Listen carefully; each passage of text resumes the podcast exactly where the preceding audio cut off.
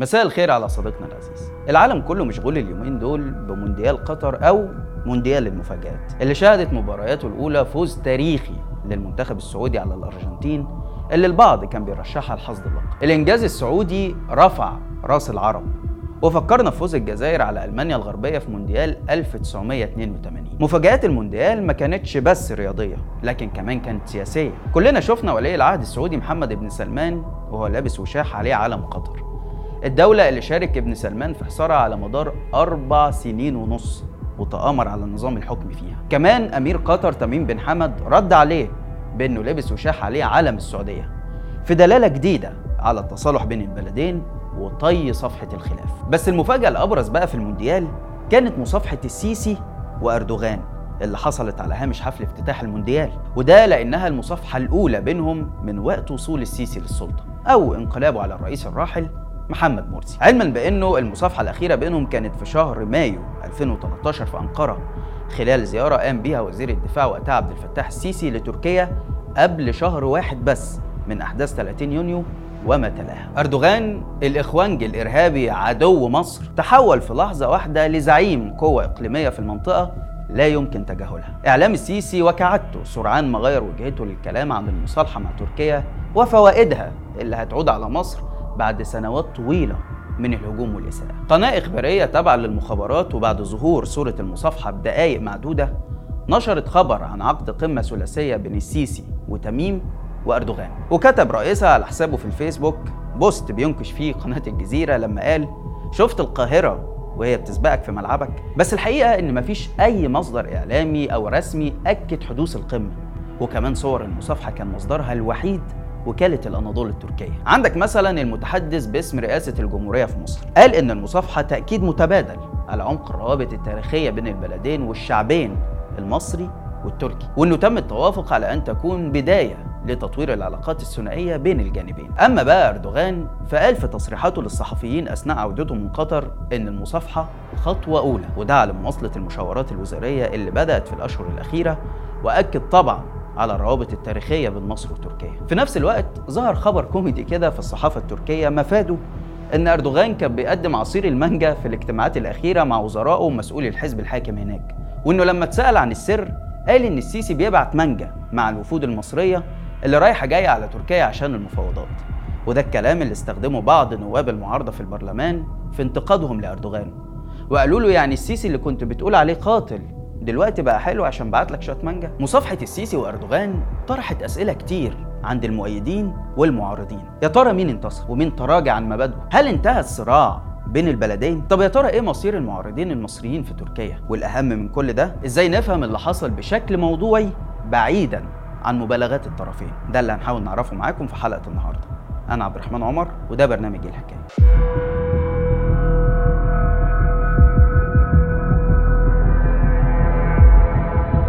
الراجل اللي اسمه أردوغان ده. الراجل ده من الإخوان الارهابيين اخوانجي إرهاب بيستضيف إخوان ارهابيين يجب أن تتوقف العلاقات تماما مع تركيا. هذا رجل لا يحترمنا. هذا رجل عدو لينا. هذا رجل يمول الإرهاب ضدنا.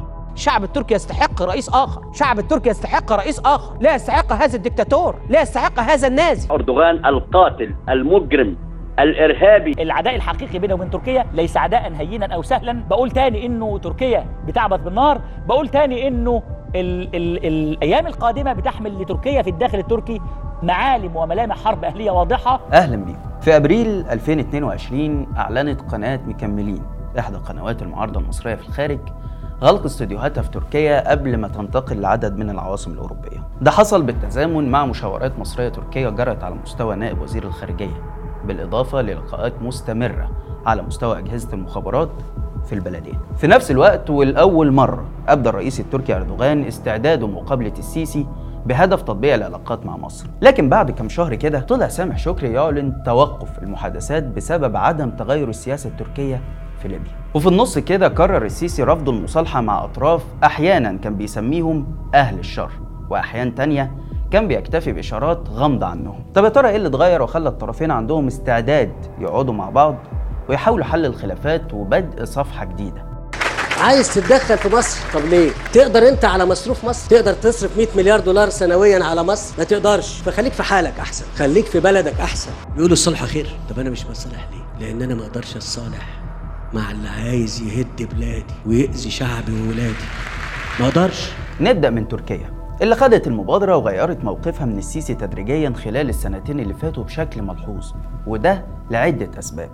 أهمها غاز شرق المتوسط. اكتشافات ضخمة من الغاز تم وبيتم اكتشافها في البحر المتوسط وعشان أي دولة تقدر تستفيد منها فهي محتاجة للتنسيق مع الدول المجاورة بما في ذلك ترسيم الحدود البحرية بين الدول الأطراف. تركيا اللي عندها عداوة تاريخية مع اليونان وقبرص اليونانية وكان عندها قطيعة سياسية مع دولة الاحتلال بسبب تعديها على السفينة التركية مافي مرمرة لما حاولت تكسر الحصار المفروض على قطاع غزة لقت نفسها مستبعدة من اتفاقيات الغاز. في المقابل مصر اتحالفت مع اليونان وقبرص وأسسوا منتدى غاز المتوسط.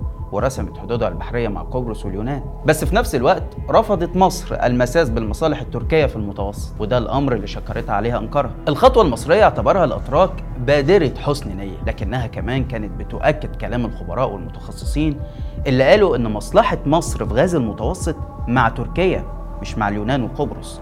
والمفاجأة إن الكلام ده أكده إعلام السيسي بعد المصافحة الأخيرة في قطر. هنا بقى تعامل مصر اتسم بالذكاء لأنها رغم تقاربها مع اليونان وقبرص إلا أنها ما فلتش الباب قدام ترسيم حدودها البحرية مستقبلا مع تركيا. وده لما يحصل وأكيد هيحصل هيعطي مصر حصة أكبر في غزة المتوسط. كمان مصر ما عبرتش عن موقف معارض لاتفاقية ترسيم الحدود البحرية بين تركيا وليبيا واللي وقعت عام 2019 الأمر ده بقى أزعج اليونان وقبرص اللي سابوا مصر وراحوا عقدوا اتفاقية ثلاثية مع إسرائيل بخصوص مد خط غاز استمد واللي فكرته بتتلخص في نقل الغاز الإسرائيلي اللي هو في الأصل من حق أهلنا في فلسطين ولبنان لأوروبا عبر خط بحري يمر بقبرص والجزر اليونانية ويصل إلى إيطاليا. بس المشروع ده بيواجه صعوبات عديدة. أبرزها مروره في منطقة بحرية تابعة لتركيا وفق اتفاق ترسيم الحدود التركية الليبية اللي اتكلمنا عنه دلوقتي. إذا تركيا أدركت إن مصلحتها في المتوسط مع مصر ومصر أدركت إن مصلحتها مع تركيا. وده اللي تسبب في إنه البلدين ياخدوا مواقف مساندة لبعض رغم الأزمة السياسية اللي بينهم. وده كان السبب الأول في دفع البلدين للحوار والمصالحة. السبب الثاني بقى هو ثورات الربيع العربي اللي أيدتها تركيا وقفت جنبها خاصة في مصر وسوريا. النظام التركي لأسباب مختلفة. وجد في الربيع العربي فرصة لتوطيد علاقته مع مصر وبدأ سياسته دي في 2011 مباشرة. عبد الله جول الرئيس التركي وقتها كان أول رئيس جمهورية يزور مصر بعد الثورة وقابل قادة المجلس العسكري وعلى رأسهم المشير طنطاوي. نفس الأمر بقى اتكرر مع أردوغان اللي كان وقتها رئيس وزراء تركيا واللي زيارته أثارت بعض الجدل بعد دعوته الإسلاميين إنهم يؤسسوا دولة مدنية ديمقراطية وإن دستورها يكون علماني. قبل ما يظهر مأمون الشاذلي ووضح فهمه للعلمانية. بعد مرور حوالي 12 سنة على الربيع العربي مفيش شك إن موجة الثورات الشعبية اتعرضت لهزيمة قاسية والتيارات السياسية اللي كانت بتمثل ثقل في بلادها انقسمت على نفسها وتراجع تأثيرها بشكل كبير جدا. ويمكن آخر مثال عندنا هو جماعة الإخوان المسلمين اللي بتعيش في السنوات الأخيرة صراع على القيادة. مثلا دعوات التظاهر في 11 11 بدل ما يكون وراها سياسيين أو معارضين كان وراها يوتيوبرز ومؤثرين على مواقع التواصل الاجتماعي. ده بيدي انطباع إن النظام السيسي نجح على الأقل في إجهاض الموجة الأولى للثورة وبالتالي الأطراف الخارجية ما فيش قدامها غير إنها تتعامل معاه بحثا عن مصالحها. بداية طبعا من الدول الغربية اللي قدام الأمر الواقع بتتخلى عن مبادئ حقوق الإنسان ونهايه بالدول اللي دعمت الثورات زي قطر وتركيا. طيب في المقابل إيه اللي يدفع السيسي إنه يتصالح مع أردوغان بعد كل الخلاف اللي حاصل خلال السنين اللي فاتت. هنا كده في أكتر من سبب. الأول هو رغبة نظام السيسي في تأكيد استقراره عبر القضاء على ما تبقى من معارضة خارجية. كانت بتتركز قبل عدة أشهر في تركيا. كل التسريبات اللي خرجت من المحادثات المصرية التركية بتؤكد إن مطلب مصر الأول هو غلق القنوات الإعلامية وتسليم أسماء بعينها من قادة المعارضة. وده اتحقق منه جزء بالفعل. لما طلبت تركيا من إعلاميين زي محمد ناصر ومعتز مطر إنهم يوقفوا برامجهم وده دفعهم في النهاية لمغادرة تركيا وإعادة بث برامجهم من دول غربية فيها مساحة حرية أكبر وفي نفس الوقت بعيد عن إيد السيسي. لكن اللي تركيا رفضته حتى الآن هو تسليم أي معارض لمصر وده رغم احتجازها الإعلامي حسام الغمري بسبب دعوته لمظاهرات 11 11 وبكده يكون السيسي نجح في تضييق الخناق بعض الشيء. على المعارضة في تركيا. والبعض بيشوف إن التقدم في المصالحة بيعرض آلاف المعارضين المصريين اللي لجأوا لتركيا للخطر. بس بجانب المعارضين المصريين في ملف كده ناس كتير ما تعرفوش وهو المعارضين الأتراك اللي بتستضيفهم مصر نكاية في النظام التركي أو من باب المعاملة بالمثل. ودول عبارة عن مؤيدي جماعة الخدمة بقيادة فتح الله جولن اللي بتتهمها تركيا بالوقوف وراء محاولة الانقلاب الفاشل. على الأقل مئات الأعضاء منهم إن لم يكن الآلاف لجأوا لمصر اللي رحبت بيهم وسمحت لهم بالإقامة وتأسيس المدارس والصحف والمواقع المعارضة فضلا عن الأعمال الخاصة. بعض المدارس دي مثلا بيرأس مجلس إدارتها مفتي مصر السابق علي جمعة المقرب من النظام. وبالتالي مطلب غلق منابر المعارضة وتسليم المطلوبين أمنيا هو من الناحيتين من ناحية مصر ومن ناحيه تركيا كمان ما ننساش إن السيسي جزء من التحالف الإقليمي اللي بيضم السعودية والإمارات. ومع توجه الدولتين للمصالحة مع تركيا وتحسين علاقتهم بيها اللي وصل لدرجة ضخ الإمارات 10 مليار دولار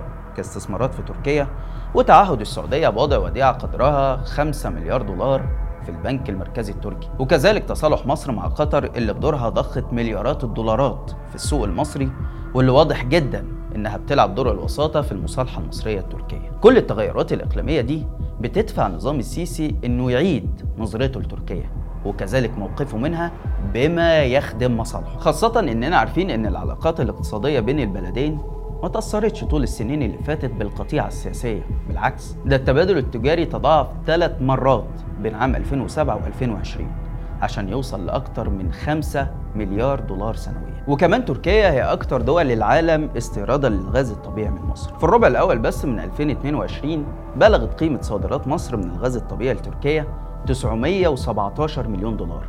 يجي بعدها بفرق يزيد عن النص أسبانيا وبعدها أندونيسيا. ده بالإضافة طبعا لأن ميزان التبادل التجاري بين البلدين ثري جدا ومتنوع. من أول الحديد والصلب البلاستيك المنتجات والزيوت البترولية والسيارات والجرارات الملابس وغيرها من المنتجات التركية اللي بتستوردها مصر. في المقابل عندك الكيماويات الأسمدة الألياف المنتجات النسيجية المشتقات النفطية والذهب اللي بتحتل صدارة واردات تركيا من الأسواق المصرية. مثلا الكيماويات لوحدها محققة لمصر حوالي 600 مليون دولار في أول 8 أشهر بس من 2022 وما ننساش كمان المصانع والشركات التركية العاملة في السوق المصري واللي بتوفر على الأقل نص مليون فرصة عمل وبالتالي من الناحية السياسية والاقتصادية في فرصة كبيرة جدا لتشكيل تحالف مصري خليجي تركي يستفيد منه الجميع. بعد ثورة يناير ده كان هدف كل القوى السياسية بما فيها تيار الدولة العميقة.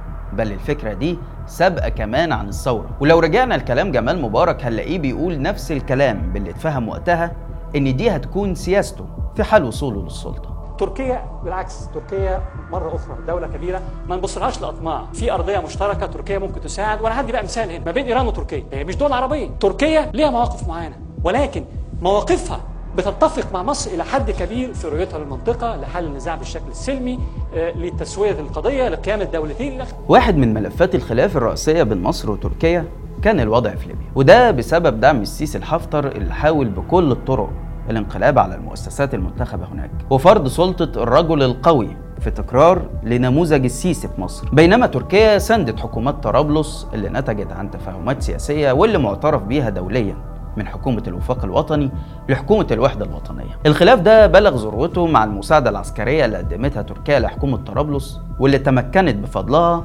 من صد هجوم حفتر. وكلنا فاكرين وقتها كلام السيسي عن الخط الأحمر وإمكانية تدخل مصر عسكريا. بس دلوقتي أغلب التحليلات السياسية بتقول إن مصلحة البلدين هي في التفاهم والتوصل لاتفاق سياسي وخارطة طريق تنتهي بانتخابات شاملة تنهي الصراع في ليبيا. أما إذا كان يعتقد البعض أنه يستطيع أن يتجاوز الخط آه، سرت الجفرة ده أمر بالنسبة لنا خط أحمر. خط بالنسبة لنا خط أحمر. يعني كان أولى بينا إحنا إن إحنا نتدخل تدخل مباشر في ليبيا ولدينا القدرة. كونوا مستعدين لتنفيذ أي مهمة. هنا داخل حدودنا أو إذا تطلب الأمر خارج حدودنا. احتمالية تحقيق الاستقرار في ليبيا واللي هو مصلحة مصرية بالأساس بتزيد كل ما كانت العلاقة بين مصر وتركيا أفضل. كمان مصالح مصر في ليبيا واللي بتتمثل بالأساس في إيفاد وتأمين العمالة المصرية بالإضافة لمنح الشركات المصرية عقود إعادة الإعمار فرص تحقيقها بالتعاون مع حكومة طرابلس في حال استقرار الأوضاع أعلى بكتير. لكن إدارة السيسي حتى الآن كل تركيزها إنها تساعد حفتر في مؤامراته للاستيلاء على السلطة. وهو السيناريو اللي كل يوم فرص تحقيقه بتقل. لكن تحليلات كتير بتقول برضو إن مصر قد تغير موقفها وتفتح باب التعاون مع جميع الأطراف في ليبيا بما يؤدي لتحقيق الاستقرار ويضمن مصلحة مصر هناك. في النهاية تصالح قطر مع السيسي ثم تصالح تركيا المنتظر هم دروس مجانية للمؤيد قبل المعارض لازم يتعلموا منها إن الأبقى هي المصلحة السياسية اللي بتدور حواليها كل الصراعات واللي بسببها ممكن تمد إيدك تسلم على شخص وصفته قبل كده بإنه سفاح وقاتل أو تحضن شخص اتهمته قبل كده إنه إرهابي ومجرم. بينما اللي بيخسر من الناحيتين هم الغلابة اللي بيروحوا في الرجلين أو المساكين اللي بيمشوا ورا طبالين الزفة. وزي ما قلت وقت المصالحة مع قطر هكرر تاني وتالت إن مصلحة الشعبين المصري والتركي أكيد في إنه يحصل تقارب وتصالح بين الدولتين وان لغة الإساءة والتحريض ملهاش مكان بين شعبين اللي بيجمعهم أكتر بكتير قوي من اللي بيفرقهم بس كده لحد هنا وحلقتنا خلصت. لو الحلقة عجبتك اعمل like و share واشترك في القناة على اليوتيوب عشان يوصل لك كل جديد. وما تنساش إنك تقدر تسمع البرنامج بودكاست من الروابط اللي هتلاقيها في التعليقات. واستنانا كل جمعة الساعة 8 بالليل بتوقيت القاهرة في حلقة جديدة من برنامج إيه الحكاية؟ سلام.